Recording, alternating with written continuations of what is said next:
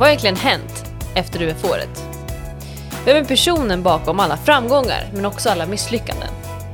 Det här är en podd från UF-alumner till UF-alumner. Jag heter Tina Brahimzadeh och nu ska vi in på djupet med UF-alumni.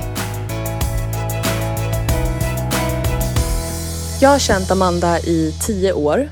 Eh, vi har upplevt tonåren, gymnasietiden, UF och de här förvirrade åren som kommer efter studenten tillsammans.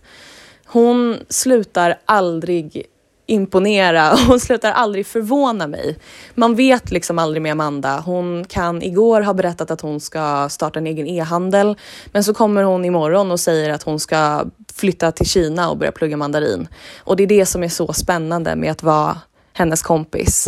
Eh, long story short, hon är ett energiknippe, hon är en solstråle, en virvelvind och det låter jätteklyschigt men jag vet att alla som någon gång har fått äran att träffa Amanda kan hålla med mig. Eh, hon bromsar inte om ingen annan gör det åt henne och det är på gott och ont. Eh, det ska bli så spännande att få förvånas ytterligare av Amanda i det här avsnittet.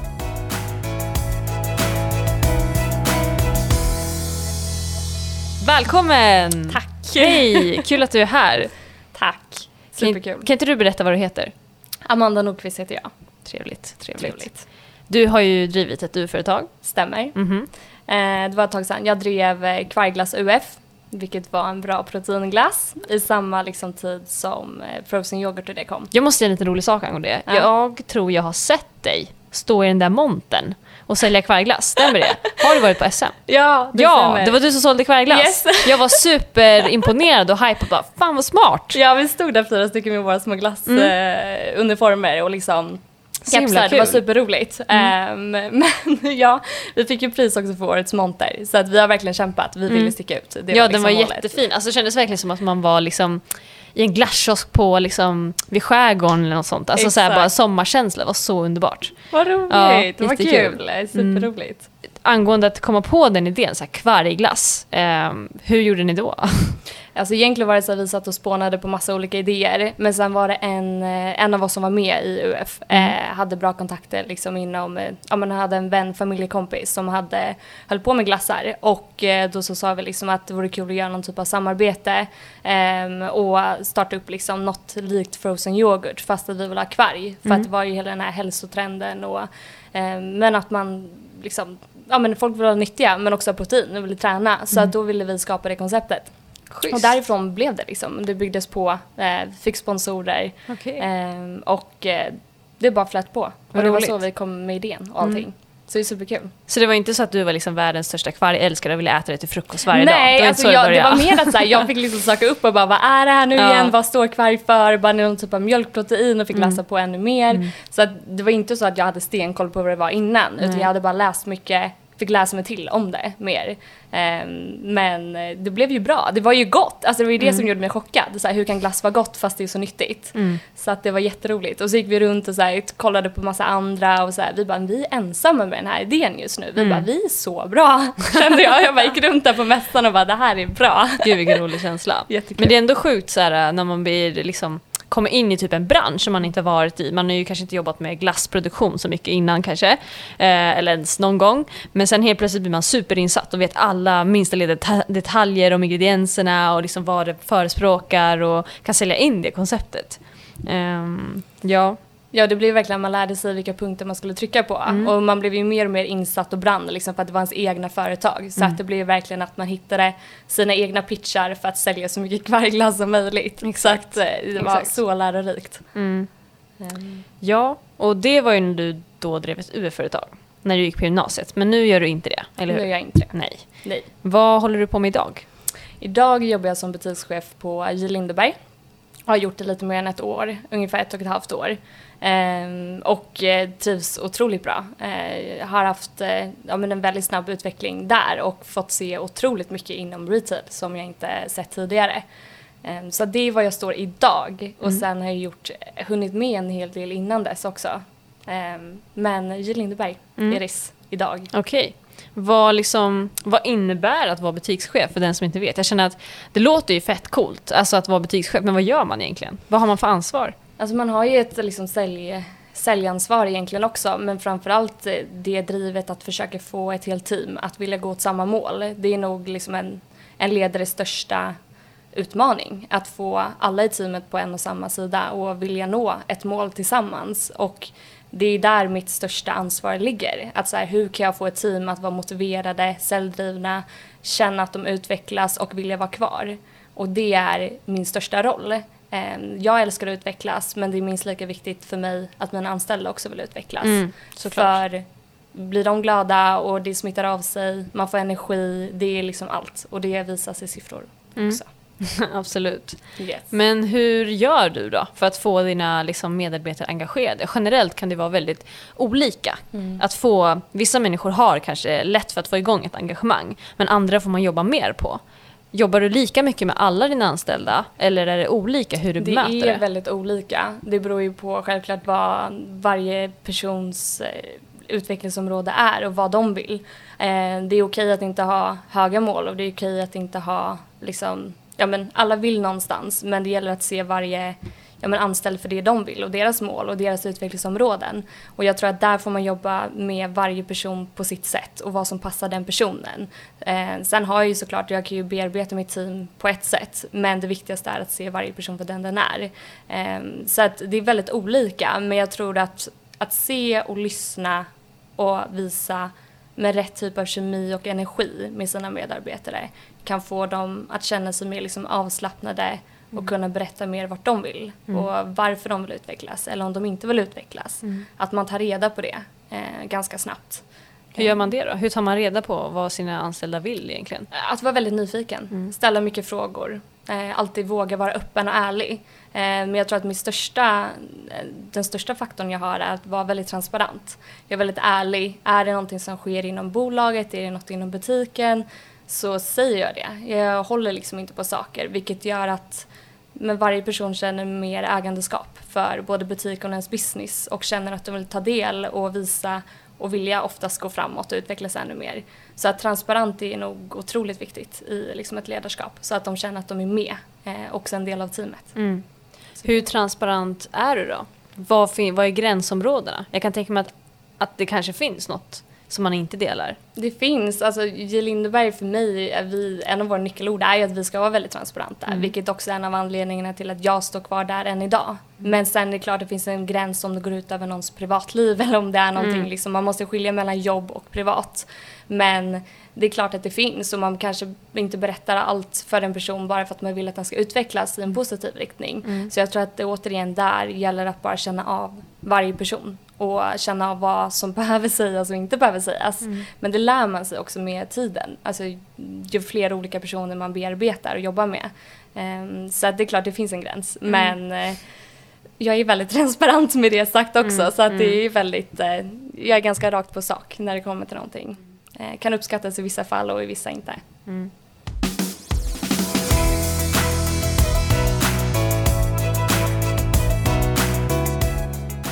Jag tänker angående det du sa, det här med att skilja mellan privatliv och arbetsliv. Tycker du det är viktigt att med sina medarbetare då, att, att man har en roll i det som man går in i när man jobbar tillsammans men att det inte, eller kanske att det ska finnas en gemenskap på privat plan också? Med sina medarbetare? Eh, Hur ser du på det? Ju mer man känner varandra privat gör ju att man skapar en förståelse för personen i dess arbete och hur den kan reagera på vissa situationer eller hur den säljer. Så att för mig är liksom A och O att är det jobb och det är en säljsituation eller man, det är något all, mer allvarligt så tycker jag att då är det 100% jobb. Då ska man lägga privatlivet bakom sig. Har du en dålig dag, men självklart kan du berätta det för mig. Eh, men det är viktigt att så är du på jobbet så ska du jobba och då kan vi, vi kan ha kul, men inte att det är allvar. Mm. Utan det är klart att man kan ha ett, liksom ett privatliv med varandra och skratta och ha kul men att man bara skiljer från jobbet när du väl är på plats. Mm. Det är extremt viktigt. Men sen är det klart, alltså jag skulle kunna hänga med mina vänner privat också. Det blir mina vänner är mina kollegor, vilket är mina anställda. Så mm. att det är, det är en väldigt hårfin gräns mm. men jag tror att det gäller att bara vara tydlig med skillnaden. Um, så att vissa saker säger man så här, det här tar vi efter jobbet eller så är man på plats och så är det så här 100% fokus. Mm. Så det gäller att bara vara tydlig med den gränsen. Um, sen alla har bra och dåliga dagar och det gäller liksom att bara fråga och vara nyfiken. Mm. Återigen ta reda på det. Så att det inte blir missförstånd. Är det någon situation du har hamnat i där du har frågat för mycket? Och du har liksom fått en, en reaktion tillbaka av att det här kanske... Ja, men då tror jag nog mer att det har varit att personen är tyst och man känner av eh, situationen. Mm. Att eh, men här kanske man inte ska fråga mer. Och då Mm. får man låta det sjunka in hos en person. Eh, liksom bearbeta ja, men om det är någonting som har hänt eller om det är någon person som behöver utvecklas mer. Eller, och det kan ha sträckt sig genom alla mina år som BC, eh, som butikschef. Och då tror jag att det är viktigt att bara här, stanna upp och lyssna. Eh, inte säga massa saker, utan det viktigaste är att bli sedd och hörd. Och det är det som får en person att vilja berätta till slut. Istället för att bara fråga på, fråga på, fråga på och inte få någon respons. Då tror jag det är viktigt att man förstår som ledare att nu stannar man här, man frågar inte mer.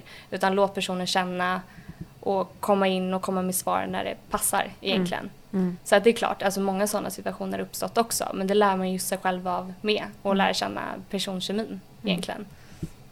Ja.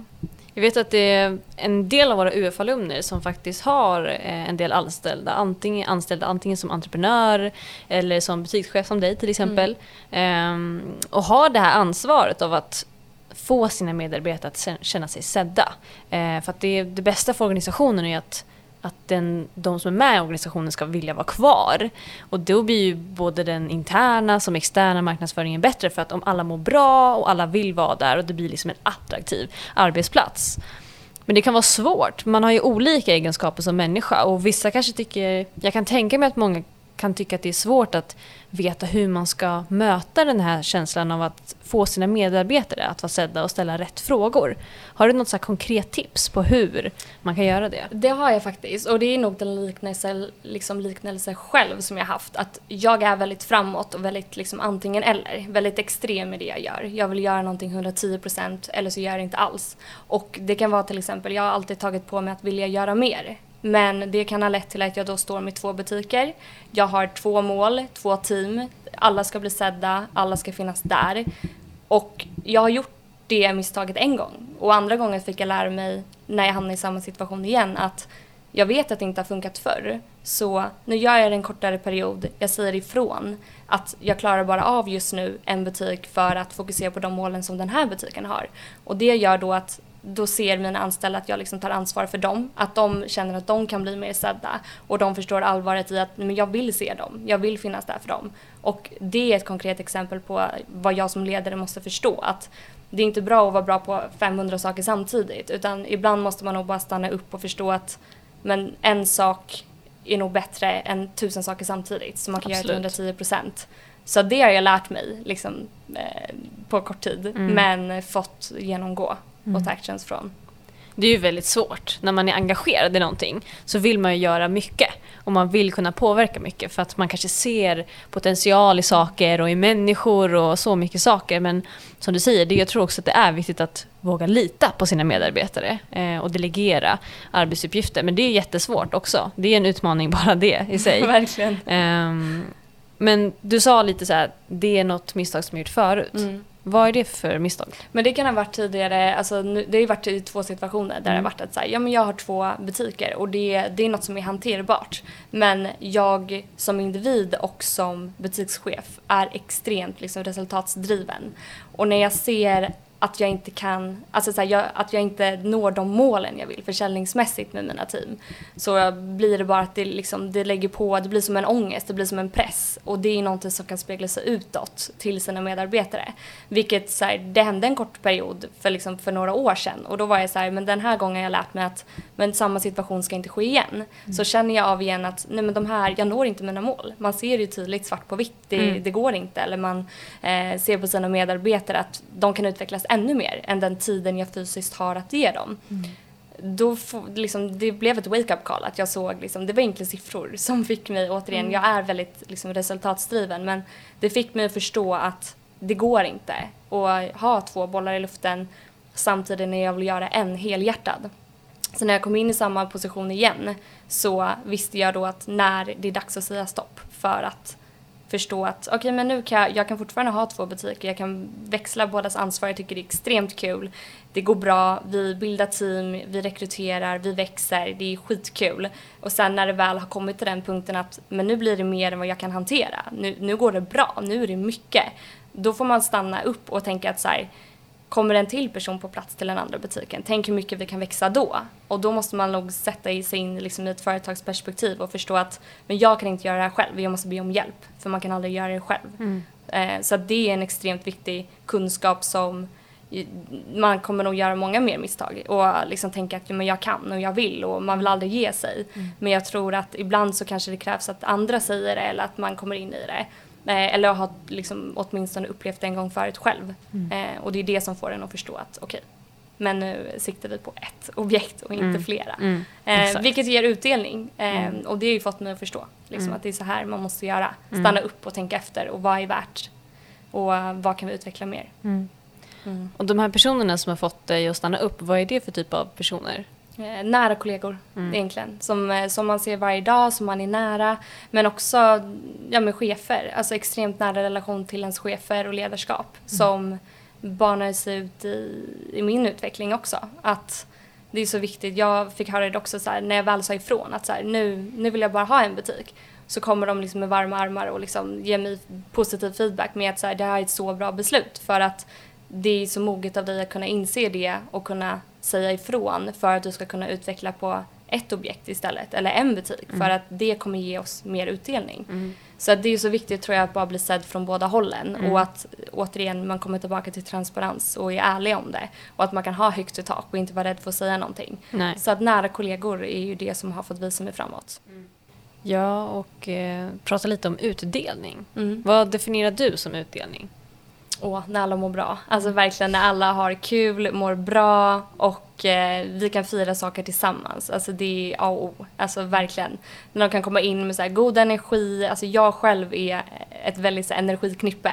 Eh, och när andra kommer in och är verkligen så här glada, då, alltså, då har jag gjort mitt. Alltså då känner jag så här, okej, okay, för att det ger allt i i de små aspekterna. Alltså det kan vara så här, kommer du in till, säg att du kommer in till en butik och så, du, du vet, folk kan stå och inte säga någonting. De kan vara, du får inte ens säga hej, du får inte ens mm. välkomnande. Mm. Men kommer du in i en butik där alla mår bra, de har kul, de skrattar, de säger hej, välkomna, alltså mm. alltså så här, bra energi. Återigen så kommer det bli en helt annan liksom, känsla på jobbet men också för en kund som stiger in. Och det är lite där jag känner att så här, har jag en kund som kommer in och känner att så här, men där, fasen vad bra besök jag fick eller så här, gud vad roligt team, då känner jag så här, då har jag lyckats. Mm. Då känner jag att så här, men det här, här är någonstans man vill vara, här är någonstans man vill utvecklas och det är mitt mål. Mm. Både gentemot liksom, i mitt ledarskap men också som bolag. Alltså jag vill att ett bolag ska komma framåt. För mig är det jätteviktigt att alla är på samma spår och tycker det är kul. Annars är det att försöka hjälpa personer att hitta andra liksom, utmaningar och andra vägar. Men eh, så när alla mår bra, tänkte jag säga. Det låter riktigt bra ja. faktiskt. Det är den bästa och liksom största utdelningen mm. tror jag man kan få. Verkligen. Men som också kan vara svåråtkomlig för att det inte är lika konkret som siffror mm. utan det är mycket känsla. Eh, och någonting man bygger på eh, som kanske inte syns i siffror ibland. Men att det är viktigt att ha det i fokus tror jag är jättebra. Jag tror också att det är en väldigt hårfin gräns mellan hårda värden och mjuka värden. Mm. Och där är det väldigt viktigt att sätta upp konkreta mål men också mjuka värden. Alltså, mm. Det kan vara att stanna upp och fråga varje vecka liksom, eller varje dag. Men hur mår du? Hur är det egentligen? Mm. Och att fråga sådana frågor istället för att bara visa siffror och bara så här ligger du till, mm. så här jobbar vi, så här mm. går det. Mm. För det är nog den största liksom, utmaningen många kan ha. Att så här, är det någonting som inte går bra eller man är i en ond spiral, okej men hur vänder du det till något positivt? Precis. Hur kan du få personer att känna att de tillför någonting när det kanske inte visas på de hårda värdena.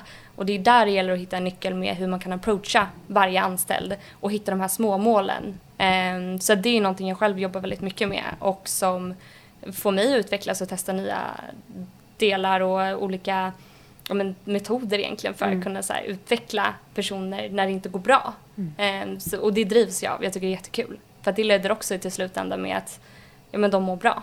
Och det är ju mitt mål. Det är ju då jag känner att jag har fått utbildning.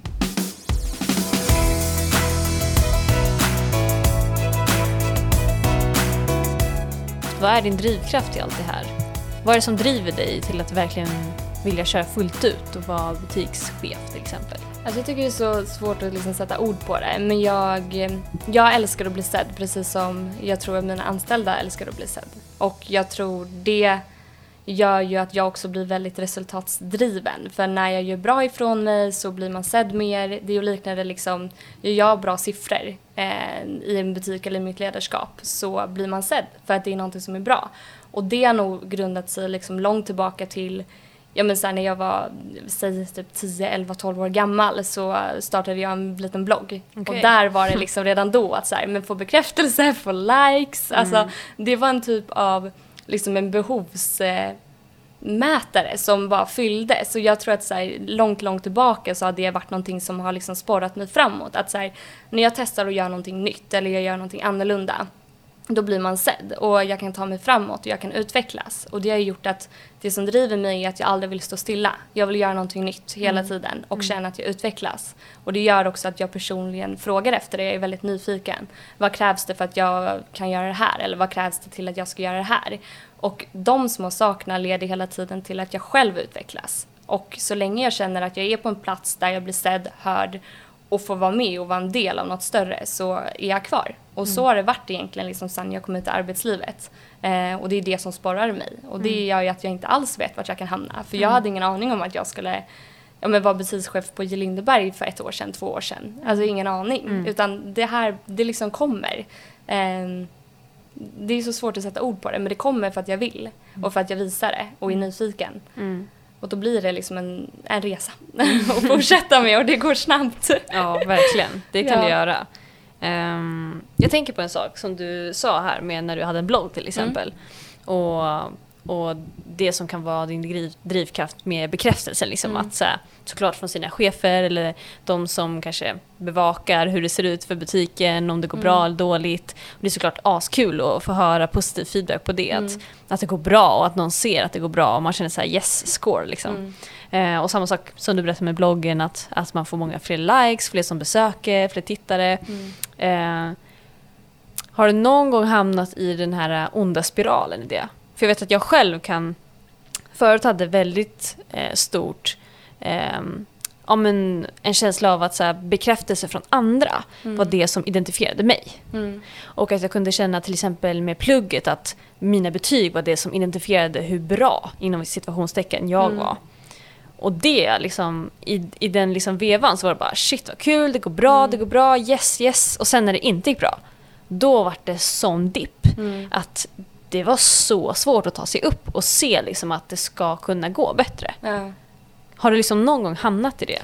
Alltså jag tror det är många gånger, men också för att direkt efter liksom UF och allting. Egentligen så var det ju UF som fick mig in ännu mer på sälj. Och det var där, alltså stå på den här mässan med så många människor och liksom sälja in sig själv. Det tyckte jag var så extremt kul. Alltså att jag kunde liksom säga så många olika fraser och kunna påverka folk så mycket. Jag tyckte det var skitkul.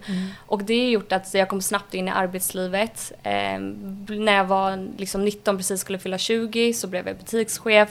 Och sen den vägen har det liksom alltid flytit på och det har gjort att mina vänner i samma åldrar eller runt omkring så har majoriteten pluggat. Vilket har varit tufft för mig att känna att så här, men det jag gör är det bra nog? För jag har alltid trott att jag måste också plugga för att visa på papper att det här är det jag har gjort eller det här är det jag ska bli. Eller, och jag vet ju inte vad jag vill bli. Och det är där det har varit att så här, min största press har varit att liksom visa att man kan lyckas även om du inte pluggar. Och det är nog det jag har tampats med mest sen jag egentligen var typ 16-17 år. Att så förstå att men jag utvecklas nog mer just nu inom det ämnet jag vill plugga och det jag vill. Sen är det ju olika för alla och deras mål och vad de vill göra. Men för mig, mitt syfte inom retail till exempel, så har det gett mig otroligt mycket mer att göra i praktiken än att jag skulle ha pluggat till det. Och där menar jag liksom, det kanske kommer en tid där jag kommer plugga sen för att jag vill utvecklas mer inom kanske retail management eller vad det kan vara. Men det vet jag, det kommer när jag känner att jag inte utvecklas. Och jag tror att det är viktigt för folk att förstå att det krävs inte för det är så många i de här åldrarna också, som liksom från 20 och framåt eller redan från 16 och framåt som känner att men vad ska jag bli, vem är jag, när ska jag börja plugga och vad, måste jag flytta, ska Det är jag ett någonstans? jättestort frågetecken, liksom. Exakt. Och jag tror att det är viktigt att bara så stanna tillbaka, så vi är så unga fortfarande. Man Mm. kan börja plugga när man är, alltså säg 50 plus, det finns ingen Liksom, det har ju en norm som säger att man ska typ vara klarpluggad innan 30. Men det är så här, det är ju bara, det är en norm. Och jag tror att folk måste förstå att men man kan verkligen lyckas med det du vill. Även om du inte bara pluggar till det och känner en ångest för att dina vänner gör det. Och där är det verkligen så här, våga vara annorlunda. Och det är något jag har fått prata om mycket. Att liksom genomskåda och komma in som en yngst butikschef i, i det första bolaget jag var på. Vilket var otroligt kul. Jag blev liksom omfamnad med stora armar och det var inte alls någon grej att så äldre tyckte att jag var för ung eller att det Inte inte, alls. gick. Nej, Alltså, inte ingen- alls. ingen- Inte någonstans. Utan det var verkligen att de pushade mig framåt, de visade vägen. Vilket gjorde att jag blev mer och mer självmedveten egentligen om vem jag är och vad jag tycker är kul och att om jag vill någonting så ska ingen få stå i vägen för mig utan då ska jag få göra det. Och, och det har liksom pushat mig och spårat mig ännu mer till att jag sitter och fortsätter utvecklas i den position jag är. Och jag tror att det är så viktigt att jag hoppas verkligen att man kan få fler människor att känna så. För jag vet själv hur många vänner eller bekanta man har som strugglar med att så här, men jag borde börja plugga nu innan jag blir för gammal. Men det är liksom ingen stress med det. Utan känner du att du vill plugga något om tio år framåt, alltså gör det då. Det är ingen som liksom kommer kolla snett på dig för det. Nej, utan det är verkligen bara inte. ja, men göra det man vill och det man tycker är kul. För det är ändå ett jobb i det man kommer jobba med, alltså länge förmodligen. Du kan byta inriktning, jag vet inte hur många gånger. Alltså, det, det går att byta inriktning. Absolut. Så att det är verkligen så här, men ta det i den takt man vill. Och det man känner att ens ambitioner är på, egentligen. Absolut. Så det har varit min största utmaning. Mm, mm. Så eh, long story short tänkte jag säga. Ja, ja, men nice. Ja. Men jag tänkte också på det här med att du sa när du blev så himla omfamnad och liksom omhändertagen på ett sätt och, och sedd eh, liksom när du kom in som butikschef. Var det på MQ? Om Det var inte, på MQ, Ja. det stämmer. Eh, och ehm, på vilket sätt tyckte du att du lärde känna dig själv mer i det, eh, som du sa? Eh, Det var nog för, jag fick ju lära mig, det var ju min första liksom, butikschefsroll. Jag vet att jag, min första butik jag fick låg i Uppsala, men jag bodde i Haninge. Så att det var ju verkligen två timmars resa varje dag enkel väg. Så att fyra timmar om dagen satt jag och pendlade i sju månader. Wow. Och det tror jag lärde mig med, alltså min självinsikt jag fick där var ju att så här, jag kan ge allt om jag vill det. Allt jag ville då var att bli butikschef och visa framfötterna. Och då struntade jag i hur lång den här vägen var. Alltså jag struntade i om jag inte hann med saker. Men det hann jag. Alltså jag skapade den tiden själv. Jag kunde komma hem sen på kvällarna, träffade vänner. Jag tränade typ 5-6 gånger i veckan. För att jag var så här, men jag har ett mål inom träningen, jag hade annat och så här. Och det fick mig att känna att men det går. Alltså vad jag än vill så gör jag det. Det var ju då jag lärde mig om mig själv också att jag är extremt så här 100% eller inget alls. Att så här, vill jag någonting så kommer jag göra det tills jag liksom inte orkar. Eh, men också i samma veva lära sig att men det ger utdelning. Att okej, men då jobbade jag hårt i det momentet, fick en butik som låg mig närmre, slapp pendla, lärde mig hur jag hanterade ett annat team, lärde mig mer om ledarskap, olika personer, hur man utvecklar dem, men också hur jag själv ska våga lära mig själv att utvecklas. Så att så här, höra av sig, alltså, jag hörde av mig till Isabella Löwengrip till exempel, det var nog det läskigaste jag gjort. Och jag skrev nog om det meddelandet 10 000 gånger innan jag skickade det och fick respons. Och jag tror att där är liksom en, en liksom cirkel med att man måste våga men pusha, men inte pusha för hårt. Våga balansera och liksom hitta en balans i livet med ens utveckling. Ehm, så att jag lärde mig väldigt mycket under första tiden på MQ och de var ju jättepositiva till liksom, att jag var yngst. Det var inga problem Men hur överhuvudtaget. kunde det komma sig tänkte jag säga. Men alltså, att jag tänker liksom inte just att de var så positiva. Det är en historia. Men, men liksom jag tänker, hur kom det sig att du nästan direkt efter gymnasiet då kände så starkt att du ville bli butikschef redan då? Eh, Jag tror, alltså det hade du jobbat ju... länge inom butiksbranschen till exempel? Inte egentligen. Alltså Nej. jag fick, eh, jag gick ju ett affärsgymnasium eh, och i samband med det så var det ju hela UF och att driva UF.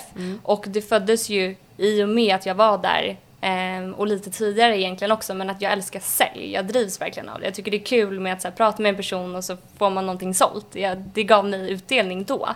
Så då var jag verkligen att så här, men jag vill fortsätta inom det och eh, började egentligen på MQ med praktik två veckor var det sagt. Men jag var för ung, alltså jag var 17 och man får inte stå i kassan förrän man är 18. Nej. Så han var ju så här, okej du kan få praktisera då den chefen som jag hade då. Så du får praktisera i två veckor och så får vi se därefter då liksom. Och så får du stå i kassa får vi se om det blir något. Och då så fick jag en tjänst direkt efter och då hade jag precis fyllt 18. Så att jag hade ju två år på mig att jobba väldigt mycket men också även gymnasiet eh, liksom efter. Att förstå att men det är det här jag vill och det var då det föddes ju mer jag jobbade att det här tycker jag är skitkul. Men jag tror själva grundtanken i allting var att jag hoppade runt och som extra på så många olika butiker i bolaget vilket gjorde att vi är ett och samma bolag men alla jobbar på så olika sätt. Och det fick mig att känna att men varför gör vi inte varför tar vi inte de bästa delarna av alla butikerna och gör en riktigt liksom, så skitbra butik av det här. Mm. Liksom samlar ihop allting. Så att jag frågade mina chefer så här, vad är det jag ska göra för att bli butikschef? Det här är det jag vill. Jag har sett att alla de här butikerna gör på det här sättet och det här sättet och jag kan ta alla de delarna för att ja, men göra min butik till den bästa. Och jag vill verkligen visa er det och vara väldigt självsäker i det. Och det fick mig att jag fick då det förtroendet att ha min första butik som då blev Uppsala, som jag kämpade för. Mm. Och sen ta mig vidare på den fronten gjorde ju att jag insåg verkligen att ja, men det är det här jag tycker är kul. Och liksom visa då att okej, okay, men om jag klarar ett team och leder dem, då kanske jag kan testa ett svårare team, en större butik, mm. en större utmaning och så vidare. Och så mm. fortsätter det. Så att det är på den vägen allting har kommit. Att det liksom började med UF och träffa massa folk och mm. liksom våga sig ut och utmana. Mm. Till att ja, men verkligen ta steget i att jag vill göra det på mitt sätt. För att jag tyckte att det fanns så bra potential på så många olika saker. Mm. Men jag ville ta det bästa och göra det på ett nytt sätt. Mm. Och det var också mycket nytänk som kommer. Och mm. det är nog något som följer med mig än idag. Jag är väldigt nytänkande i mitt arbetssätt.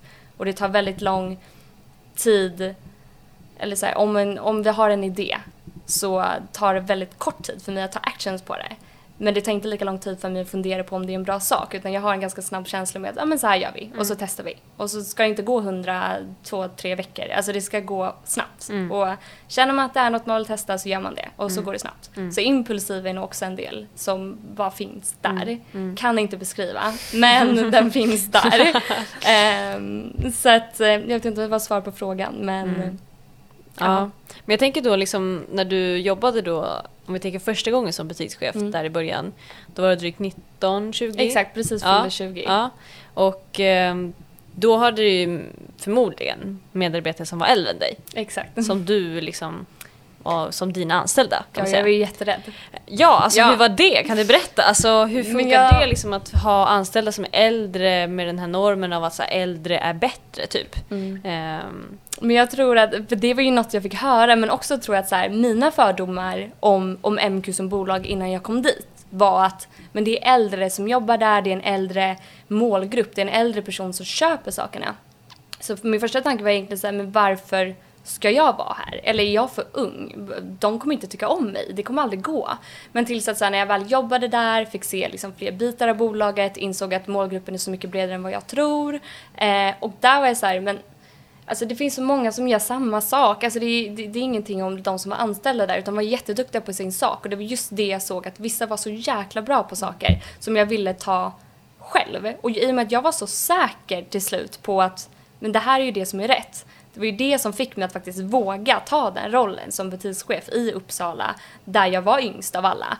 Och, med, och de var ju glada för att ja, men någon kom in och faktiskt gjorde saker. De blev sedda, de blev hörda, vilket gjorde att de fick förtroende för mig och en tillit, vilket också skapade en, återigen en transparens. Jag var ärlig mot dem, de var ärliga mot mig i sitt mående och hur saker kan bli bättre, vilket gjorde att vi tillsammans kunde jobba mot ett gemensamt mål. Och det var där jag fick lära mig den biten också, att säga, men är vi alla på samma plan och är vi alla ärliga om hur vi känner och hur vi mår, mår då kommer det kunna gå. Alltså så att alla måste vara på samma plan, annars går det inte. Mm. Har det en som sätter sig emot så kommer det aldrig gå. Så att jag var jätterädd, men tills att jag satt där första liksom, personalmötet alla var hur trevliga som helst mm. så det var liksom som bortblåst och jag kände att... Det var liksom ingen som frågade så, ah, har du jobbat som butikschef förut, varför tror du att du är här? Lite så sån attityd. Alltså, så här, självklart i efterhand när man har pratat med, med de som har varit där så förstår jag att de hade fördomar. Mm. Det är klart de tänkte, ja men herregud jag var i Uppsala, så här, en liten Stockholmsbrutta på 20 år ska komma och vara butikschef. Det är klart de tänkte så här, vad fasen ska hon göra här? Ja. Men så snart de lärde känna mig och jag lärde känna dem så blev det liksom, jag har alltid gått in med den inställningen, inställningen av att jag är inte en chef. Alltså jag är lika väl liksom kollega Alltså jag är på samma nivå som dem. Jag är ingen som ska komma in och styra och ställa med hela handen. Alltså det har aldrig varit min vision. Mm. Utan jag kommer in dit för att lära känna dem, för att förstå hur bolaget fungerar, för att förstå hur de har jobbat tidigare. För att sen ta det de har gjort tidigare och kanske utveckla tillsammans med dem. Så att det tror jag gav en liksom ganska fin gräns med att så här, jag kom inte in som ung och styrde och ställde liksom, utan jag visste ju att jag kanske hade fördomar emot mig. Och det man kan göra då är ju att komma in, lyssna, känna in allihopa och sen därefter se men vad är det vi kan utveckla tillsammans? Så att det är inte så att jag kommer in själv och bara har en bild av hur allt ska vara. Mm. Utan jag gör det för att vi tillsammans har skapat det. Och jag tror att det gjorde att det kunde inte bli så många liksom, ja, men sura miner egentligen, att jag kom in som ung. För att det jag gjorde var med logiskt och liksom realistiskt. Det var inget som de kunde säga det här var ju helt sjukt, hon är så ung. Utan jag hade ju kunskapen. För jag hade jobbat med det i nästan två år innan och sett det mesta och varit runt på alla Stockholms butiker och jobbat. Så att jag hade ju en erfarenhet som krävdes för positionen.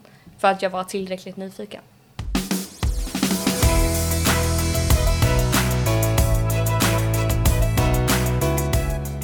I ditt liksom jobb och så, eh, när känner du dig nöjd? Aldrig, tänkte jag säga. Jag är faktiskt aldrig nöjd. Och jag vet inte varför jag känner så. Det är jättesvårt, jättekonstigt.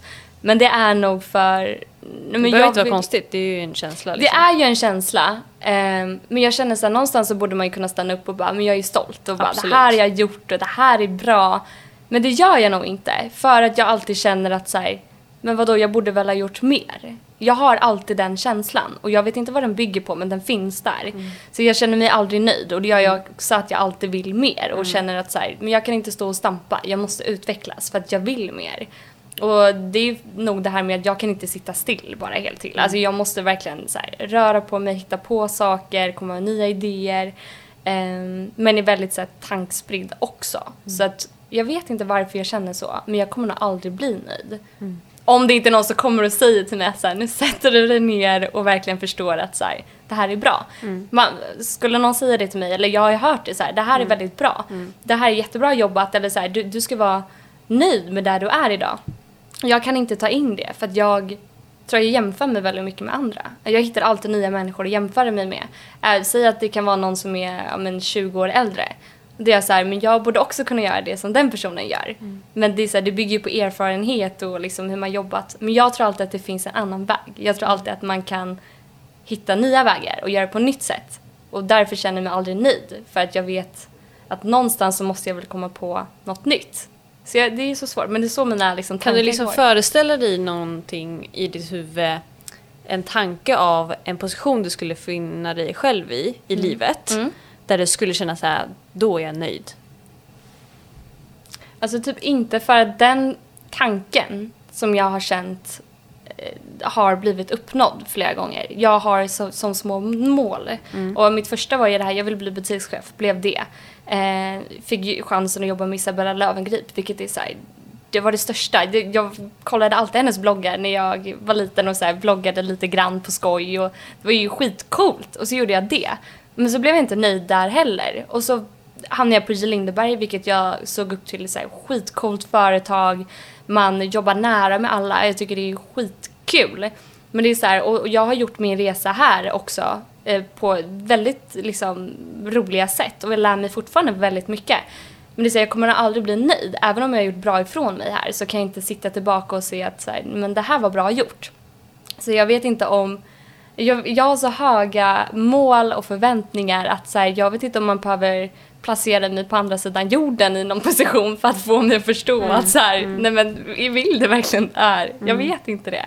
Så att jag, det, det är som mina vänner, om man frågar mina närmsta vänner så, alltså jag vet inte hur många gånger jag sagt det så här, nej men jag vill till Kina och plugga mandarin. Och de bara, "Ha, varför det? Jag bara, nej men för det är något nytt, det är något som något som jag kan använda inom retail. Jag vill fortsätta utvecklas inom retail. Jag tycker det är extremt kul.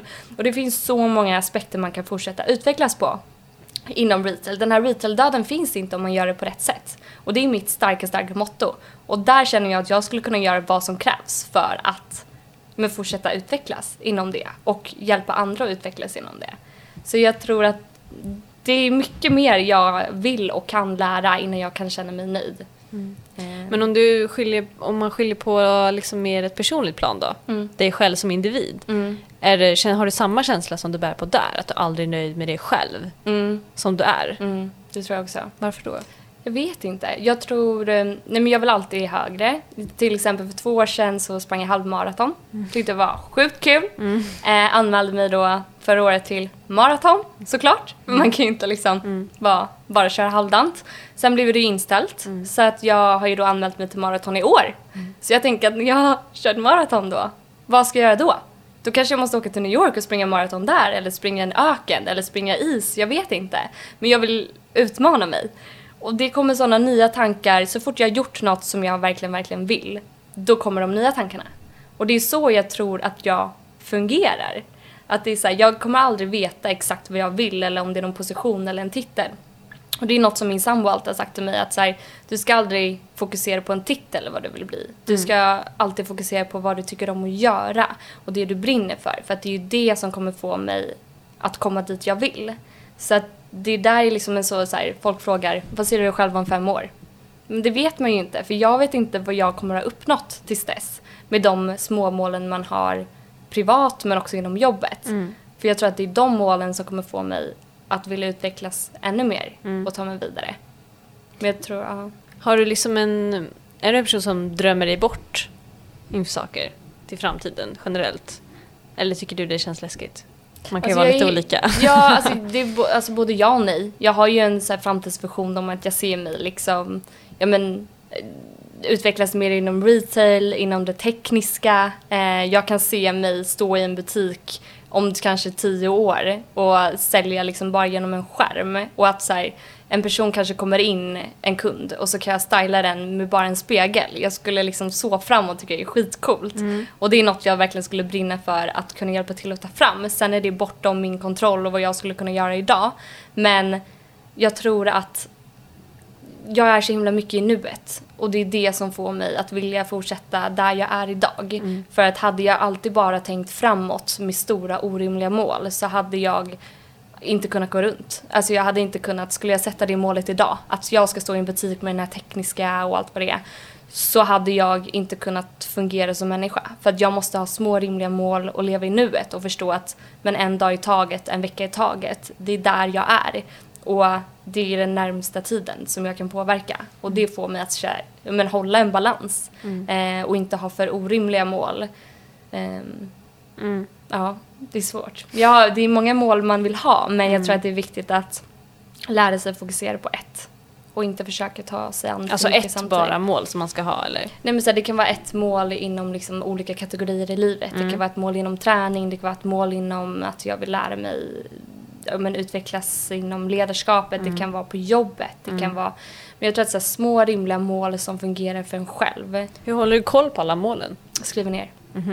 Skriver ner. Har du en måldagbok typ? Jag har, eh, jag skriver ner eh, väldigt mycket så här, om, om det är något jag kommer på så skriver jag alltid ner i anteckningar för att kunna gå tillbaka och kolla.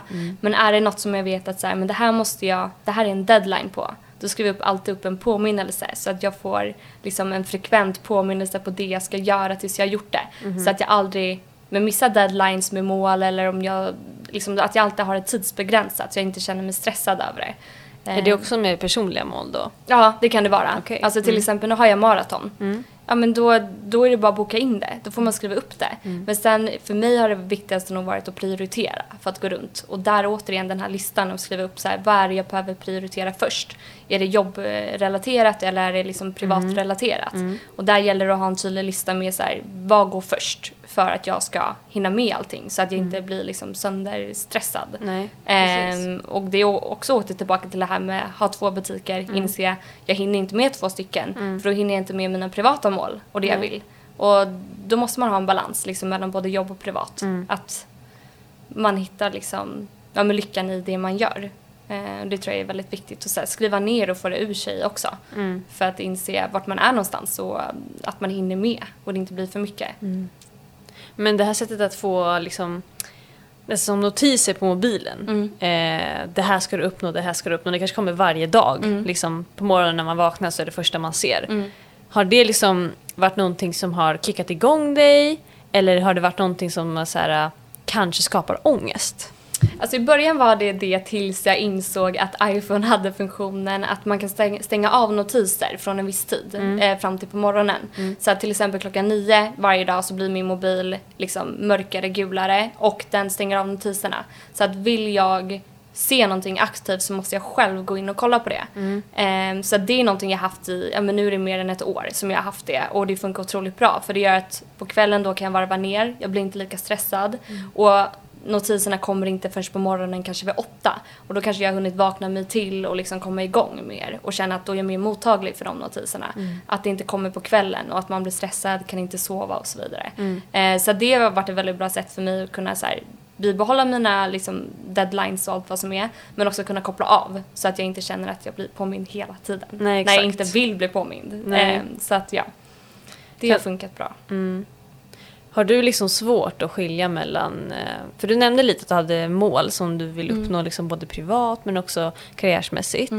Eh, kan det bli så att om det är liksom två stycken som krockar med varandra och det ena är karriär och det ena är personligt plan, hur gör du då för att resonera och liksom välja vad som ska gå först? Alltså om du hade frågat mig för några månader sedan så hade jag sagt karriärmålen går alltid först. Eh, men sen så har det varit på senaste tid att så här, men jag har hälsomål och så för att jag vill, jag vet att hälsan är A och O, att orka träna, man hinner med att äta och bygga upp en stabil eh, kropp att kunna jobba med för det kommer spegla mig ut i karriären. Så det tog mig nog ett tag att förstå att ja, men, för att karriären ska funka så måste också min kropp och min hälsa funka. Så att det tog, alltså det var också i samband med så här, men har man en butik så har jag ett mål, då kan jag frigöra mer tid till mig själv och min hälsa. Och det var nog i samband med det som jag förstod att men man måste ha det liksom, både och. Det funkar inte att köra karriär 100% rakt in i kaklet utan du måste kunna ha privata mål som du måste kunna uppnå. För det är minst lika viktigt att jobba på dig själv som att jobba på ditt jobb. För att de återspeglar varann. Ehm, så att nu är det mer jobba på båda två 50-50, att det blir mer balanserat. Eh, medan tidigare och speciellt, alltså bara det i början när jag började som butikschef så var det ju bara 100% karriär. Fast då kunde jag också bibehålla träningen och komma med i det, vilket gav extremt bra effekt. Annars hade jag aldrig orkat pendla fyra timmar om dagen och liksom fortsätta i den takten jag gjorde då. Så att jag tror det är en väldigt fin balans att så här, orka träna, äta rätt och jobba lagom. Så tror jag att man kan liksom ha mer effektiv tid än att bara jobba. Utan det är så här, man måste kunna göra det fast effektivt. Ehm, så mer balanserat idag. Och det lär man sig. Men det är ett hett tips att ta till från början. Absolut. Ska jag absolut säga. Ja, det kan ju verkligen vara en svår balansgång bara att få till det eh, och veta vad som är rätt. Verkligen. Och vad som kommer vara rätt på lång tid också, liksom. inte bara just i den här stunden. Mm. Ehm, men typ till exempel så låter det som att du ändå har många andra relationer runt om förutom jobb och så. Eh, sambo nämnde du och kompisar och så. Ehm, har, har liksom dina vänner och din sambo upplevt att du har varit distanserad i perioder från dem eh, och mer inkörd i karriären när du känner att nu vill jag fokusera på det? Och Absolut. hur har det, vad har hänt då med de relationerna? Eh, nej men alltså, jag är så otroligt tacksam för de vänskaperna och den relationen jag har idag. Eh, till exempel med min sambo, vi har ju lärt känna varandra liksom sen, sen tidigt gymnasiet och vi båda har väldigt så här, karriärsdrivna mål. Så att han är absolut en stöttepelare i att men pusha mig till att så här, ja, men det är klart du ska jobba och tänk så här framåt och så här, men också väldigt duktig på att säga åt när jag ska backa och liksom känna in mig själv och, eller om jag jobbar för mycket, när jag behöver vila och så vidare.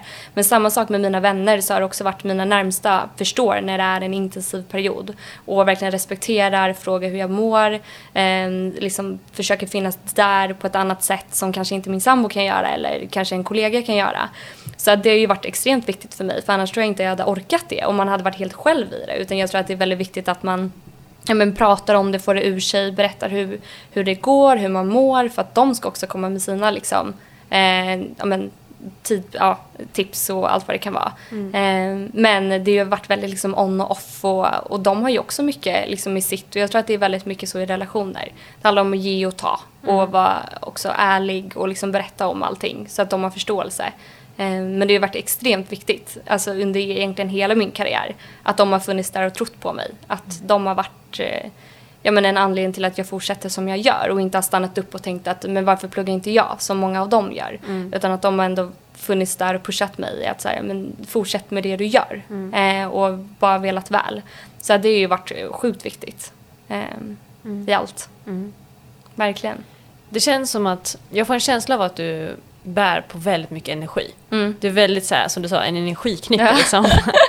eh. Bara sen när man kom in i rummet så du bara woo, tja! Jag bara yes, nu kör vi liksom. Absolut, inga problem. Åh, herregud. ja. Hur har du så mycket energi? Kan vi börja där? Alltså jag vet verkligen inte. Det är, det är alltid energi och jag tror att det är för att jag, jag är väldigt glad. Eh, jag försökte be min sambo så här, kan du beskriva mig med ord? Alltså så här, han bara, men du är glad, rolig. Jag bara, men det är jag inte. Eller så här, jag förstår liksom inte vad som är så kul.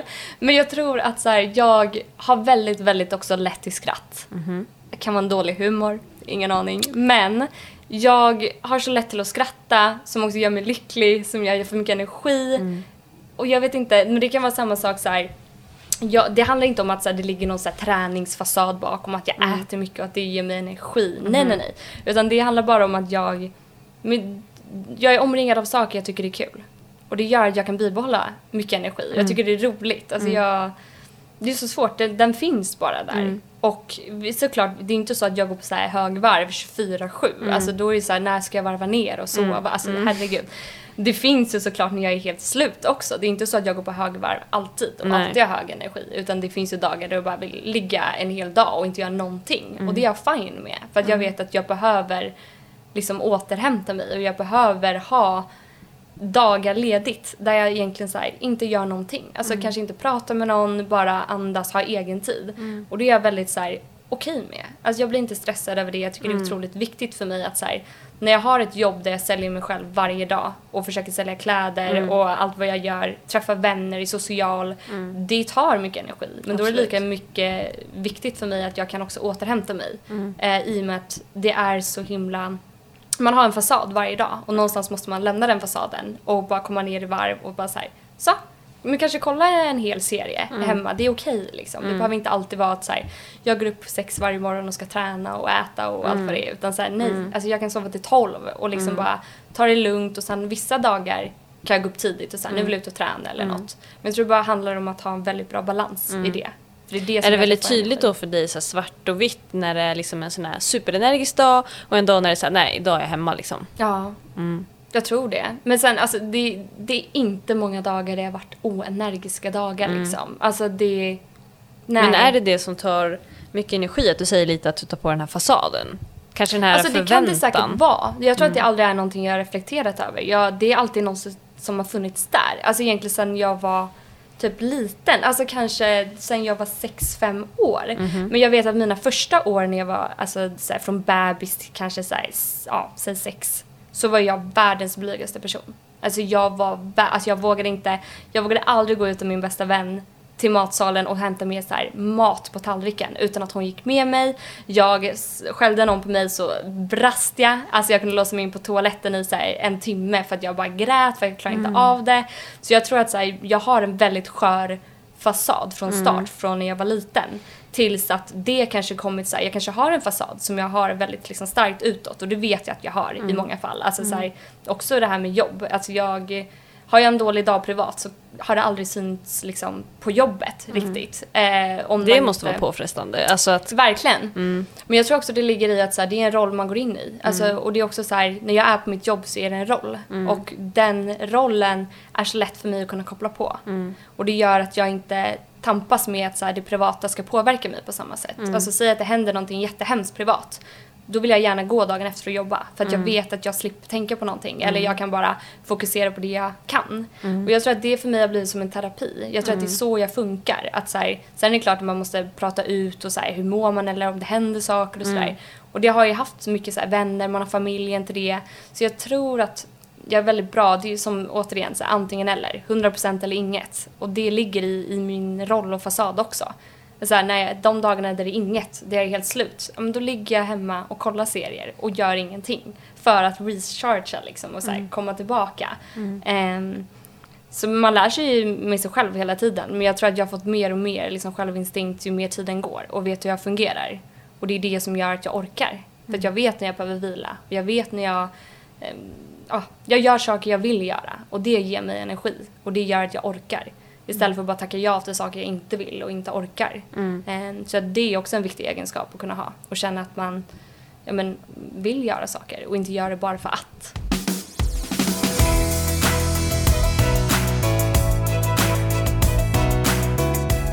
Okej, nu tänkte vi börja avrunda lite med någonting som vi brukar med alla våra gäster. Mm. Och det är fem snabba. Känner du dig mentalt redo för det? Jag är så himla mentalt redo. Nu ja, kör vi. bra. Du får inte tjuvkika nu. Ja, absolut inte. Det är snabba ryck Jag som kan gäller. liksom inte, okej. Ja. Yes. Släpp kontroll. Ingen förberedelse. Mm. Okej. Är du beredd? Ja. Första frågan. Vara anställd eller driva eget? Driva eget. Kärlek eller pengar? Åh! Kärlek. Mycket fritid eller mycket arbete? Mycket arbete. Bo i Sverige eller utomlands? Utomlands. Ledarroll eller inte? Ledarroll. Varsågod. Det var väldigt svårt för dig att välja mellan kärlek och pengar. Jag älskar Kan- pengar och jag älskar kärlek. Mhm. Och jag tänker så här, de går inte ihop. Nej. Så att då blev det ju liksom så svårt. Mm. Men det blev Men kärlek, är så mycket större. Ja. Så mycket mer. Mm. Så självklart. Och det skulle aldrig bara, pengar! Men det är klart man gillar pengar, men det är ju, ja, det kommer väl någon annan gång i livet tänker jag. Nej men kärlek 100 procent, herregud. Om man räknar in allt som finns där så absolut. Mm. Jag tror det hade varit väldigt tråkigt utan kärlek i alla fall. Mm. Ja, 100 procent. Då hade Mm. jag nog, hade jag haft mig själv. Det hade Ja. varit skittråkigt Mm. faktiskt. Men det är viktigt att älska sig själv också. Ja, det gör man väl, tänker Ja. jag. Eller Mm. ja. Så att, eh, Gör du det? Kärlek. Om jag älskar mig själv? Mm. Det vet, nej, jag skulle aldrig säga att jag älskar mig själv. tror jag. Jag kan inte... På vilket nej. sätt skulle du inte kunna liksom tänka det? Att du liksom är...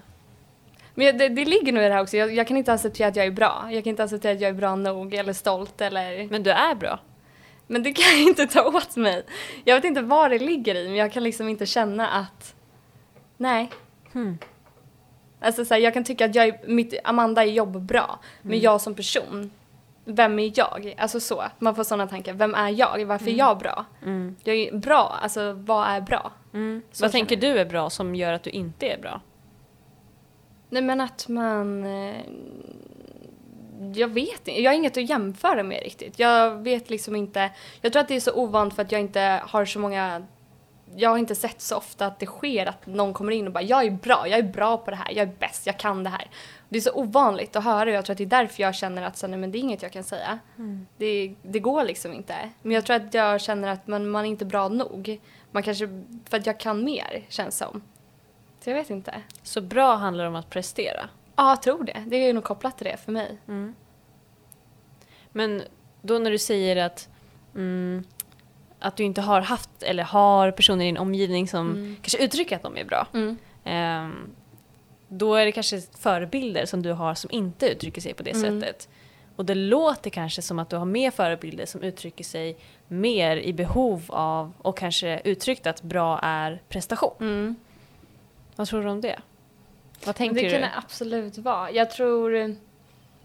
Nej men jag tror att så här, bra för mig har ju varit kopplat med egentligen så arbete och så. Det är där jag hör det. Så här, du är väldigt bra, du är väldigt duktig. Eh, du, ja men så här, sättet hur jag kan, ja men i mitt arbete prestera. Och det är ju så här, det är ju min jobbroll. Och som jag säger att jag går in ofta i en jobbroll, jag har en fasad. Då är det, det är ju jobb-Amanda. Hon är bra, hon är duktig. Men jag som bakom det, person, har jag svårt att sätta ord på. Så här, men vem är hon bakom den fasaden? Är hon också bra? Jag vet att jag är bra på mitt jobb, men vad, vad är jag bra på annars? Jag har så svårt att, för, för jobb för mig är en så stor del.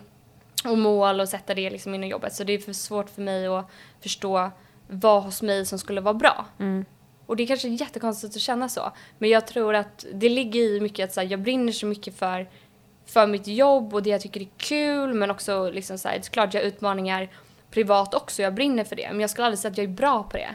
Alltså så här, och så är det säkert så här, det kan vara småsaker jag kanske tycker jag är bra. Jag tyckte jag var bra på halvmaraton. Det är nog det enda jag kan ha sagt att så här, men det tyckte jag var bra. Det tyckte jag, där gjorde jag ifrån mig. Men sen kommer det alltid finnas en så skeptism med att jag känner att så här, men var jag verkligen det? Eller jag kan mer? Eller så det var, nej, alltså jag vet inte. Man är så tveksam. Om vi tänker oss det här scenariot. Mm. Imorgon så förlorar du ditt jobb. Ja. Du får inte jobba mer. Nej. Du får inte göra någonting som har med jobb att göra. Mm. Du får bara vara med dig själv. Vem är det du får umgås med då? Eh, nej men då hade jag ju liksom absolut alltså, dragit ihop alla mina vänner och bara nu ska vi åka någonstans. Och om de bara nej alltså vi jobbar då kommer jag bara, ja men då åker jag någonstans. Och så hittar jag någonstans och var och hittar massa vänner eller så här, jag skulle aldrig, jag skulle aldrig stänga in mig själv och bara så här, så. Men det är klart så här, skulle jobbet tas ifrån mig, det är ju en del av mig, känns det som. För det är ju sälj och liksom fasad och hela den biten. Men på ett sätt tror jag inte att jag hade fått panik. Det är ju inte så att jag känner att jobbet definierar bara mig. Nej. Även om det så låter mycket så, så är jag så här, jag vet ju vem jag är, alltså Ja men hela så här, innan man började jobba, vem var jag då? Jo men så här, rolig, hitta på saker, älskar att så här, göra nya saker, utmaningar. Och det hade jobbet tagits bort från mig och jag hade bara varit jag så hade jag fortsatt göra allt som inte har med jobb att göra. Jag hade hittat på massa roliga saker. Alltså, Jag hade inte låtit mig själv sitta hemma och rulla tummarna. Utan då hade det säkert varit så här, nu ska vi åka hit, vi ska åka hit, vi ska göra det här, vi ska... Ja, det tvivlar jag inte om. Ja, exakt. så att ja, svårt. Men eh, jag vet inte. Ja. Ja, kom in lite på Bra fråga. djup, djupa spår Väldigt här. bra fråga. Mm. Det är lite så vi gillar att avsluta den här podden, lite Mm, är bra. på djupet så. På djupet, Mm. exakt. Ja, men Ja. stort, stort tack för att du kom hit idag. Tack och för att jag ville, fick jag var med i podden. Eh, Jag tror att det är väldigt lärorikt för många att få höra om din story. Jag hoppas det. Mm. Tack så mycket. Tack.